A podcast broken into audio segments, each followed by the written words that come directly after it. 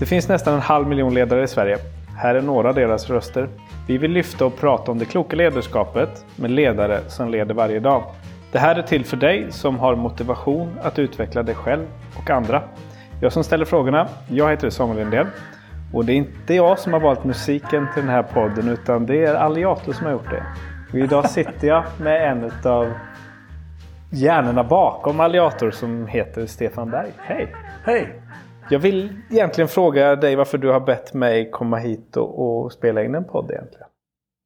Jo, egentligen så är det så här att eh, nu är ju inte jag den mest tekniska begåvningen på Alliator. Men jag har förstått och insett och eh, börjat njuta utav den här möjligheten att kunna gå och lyssna på någonting spännande. När man ibland dammsuger eller gör någonting annat. Eh, händer ibland, det kanske inte ska erkänna, men det händer ibland att, att jag även njuter av poddar när jag kör bil. Ja. Eh, och jag är så glad att jag uttrycker mig rätt när det gäller poddar. Jag har sagt en massa andra saker innan men nu har jag förstått att det heter podd. Jo, syftet med den här podden är egentligen att som du vet som så har vi en tanke med våran verksamhet, det vill säga att vi tränar kloka ledare. Och eh, ofta om man är en klok ledare så prioriterar man alla andra och man kommer sällan till tals själv med sin egen livssituation och så vidare. Och eh, vi kände att det här med poddar är ju någonting spännande. Tänk att låta våra uppdragsgivare få möjligheten att kunna beskriva sin egen livssituation och sitt eget ledarskap på deras sätt utan att vi styr dem för mycket. Det är egentligen huvudanledningen till att vi fick möjligheten via din hjälp att starta den här podden.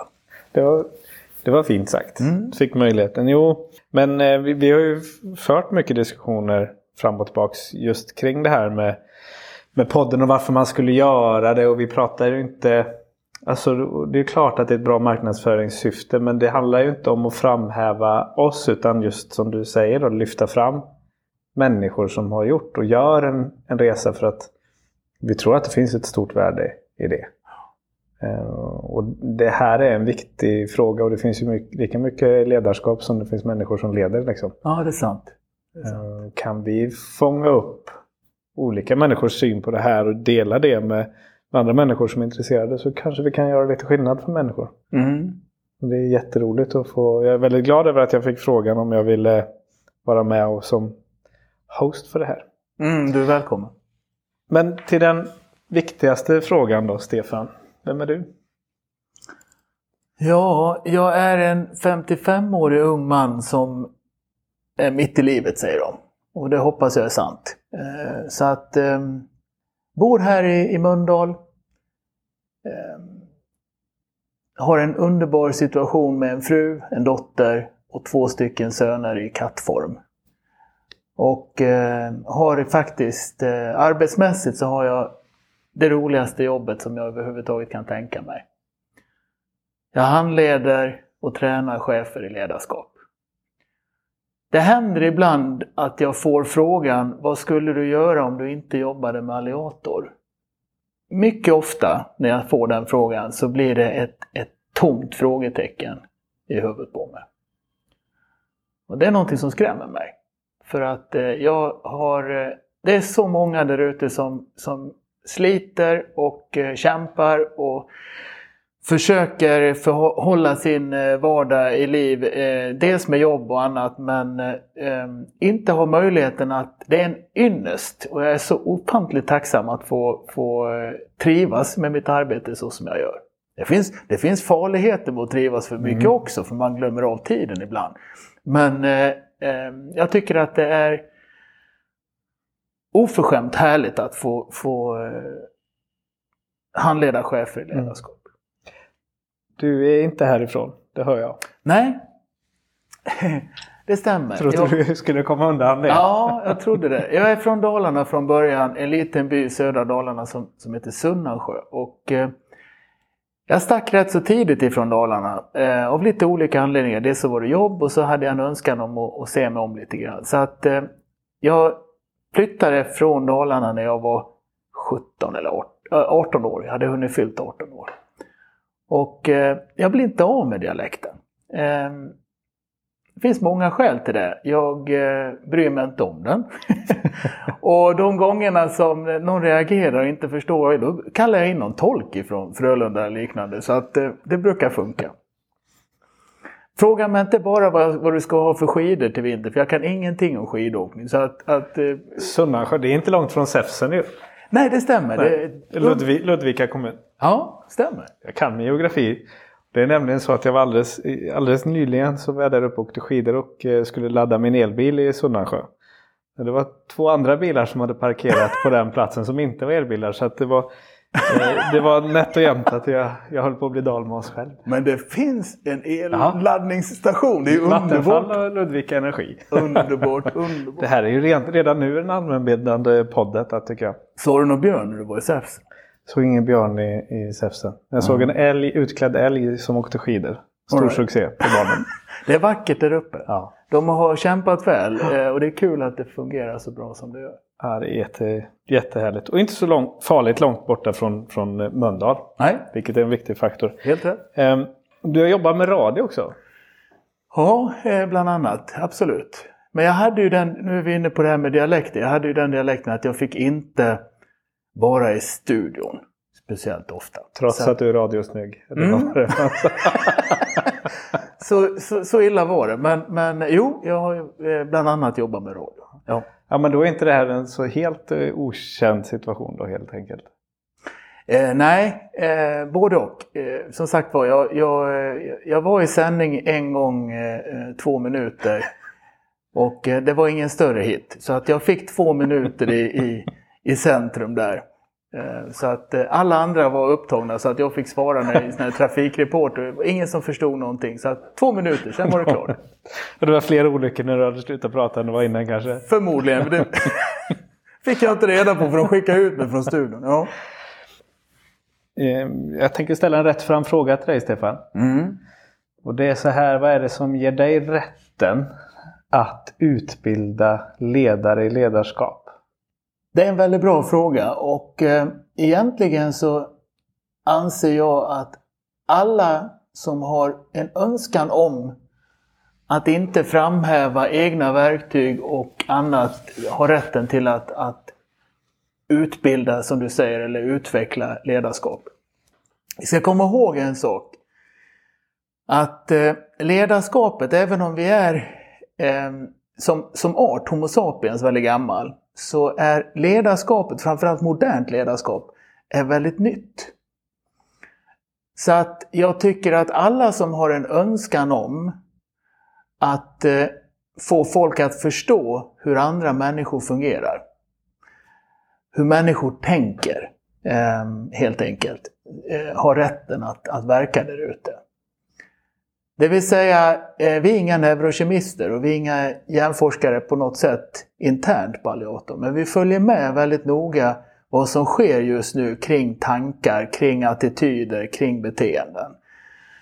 För att det har ju skett väldigt mycket Väldigt mycket har skett under väldigt kort tid när det gäller ledarskapet. Pratar vi 100-150 år sedan tillbaka, ja då var det väldigt lätt att peka med hela handen och tala om egentligen vad man ville att andra människor skulle klara av, annars böt man ut dem. Eh,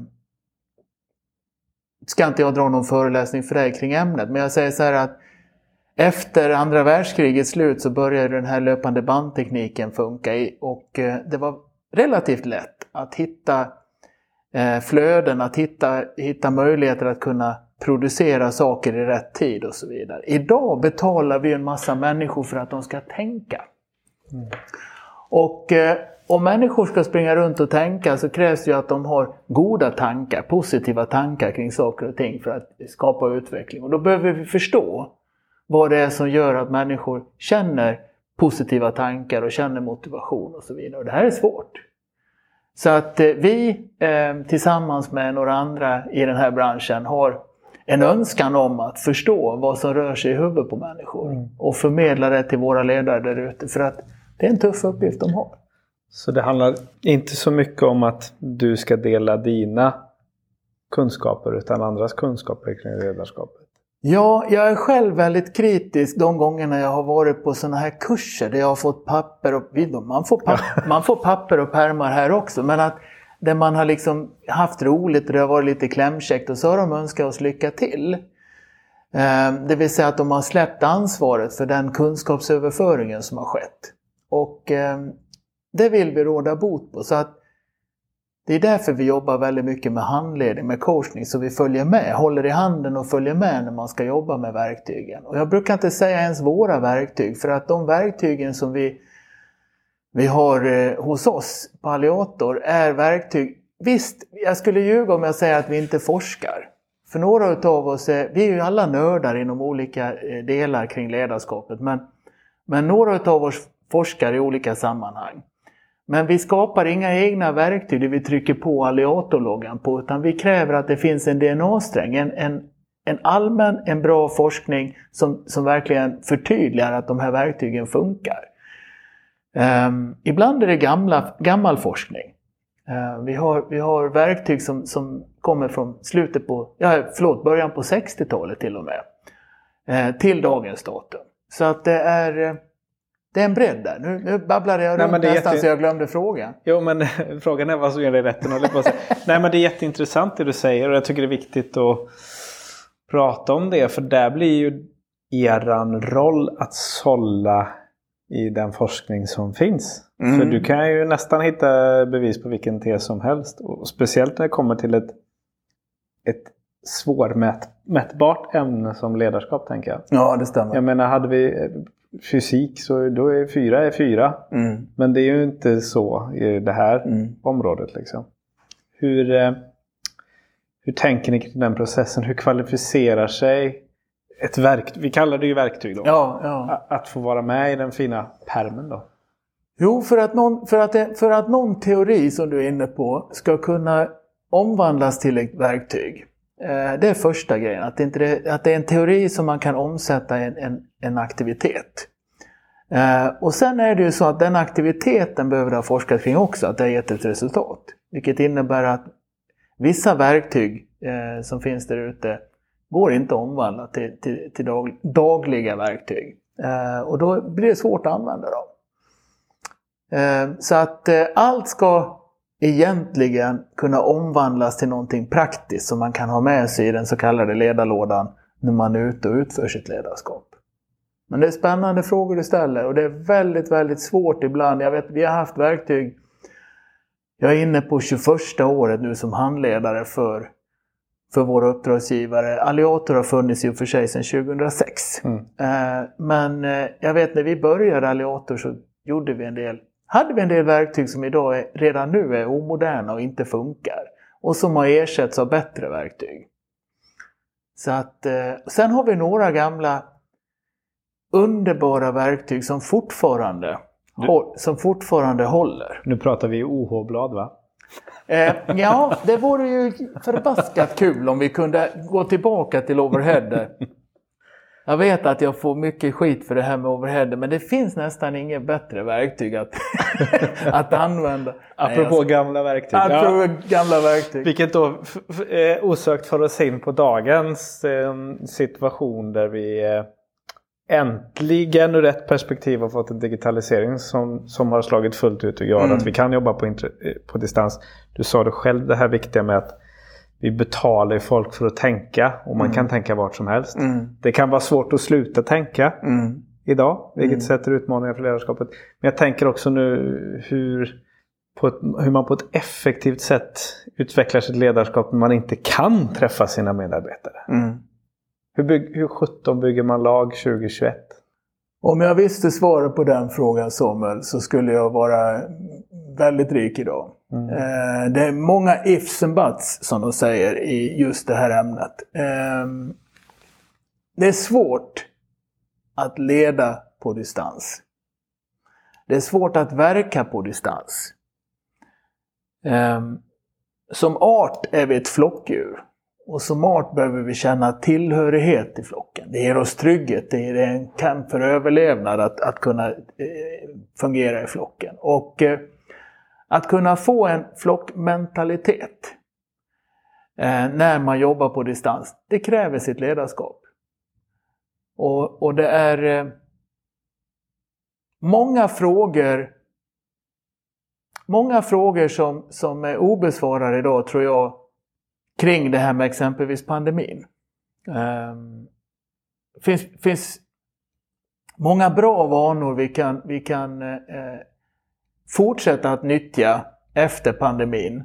Ehm, jag menar eh, digitala möten i olika former. Vi slipper miljöförstöring, vi slipper röra oss, vi, vi spar tid, vi spar kraft, vi spar energi på alla sätt och vis. I vissa fall. Men i andra fall så, så tror jag att det fysiska mötet är avgörande.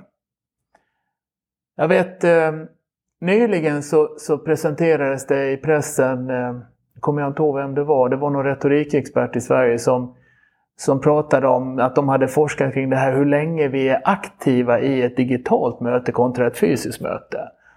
Och eh, det är svårt, i vår bransch är det jättesvårt till exempel att hålla Eh, våra programdelar där vi kunskapsöverföringen, vi samlar folk ofta i två dagars intervall. Eh, det är oerhört svårt att be någon sitta vid en dator fokuserad åtta timmar gånger två dagar efterföljd.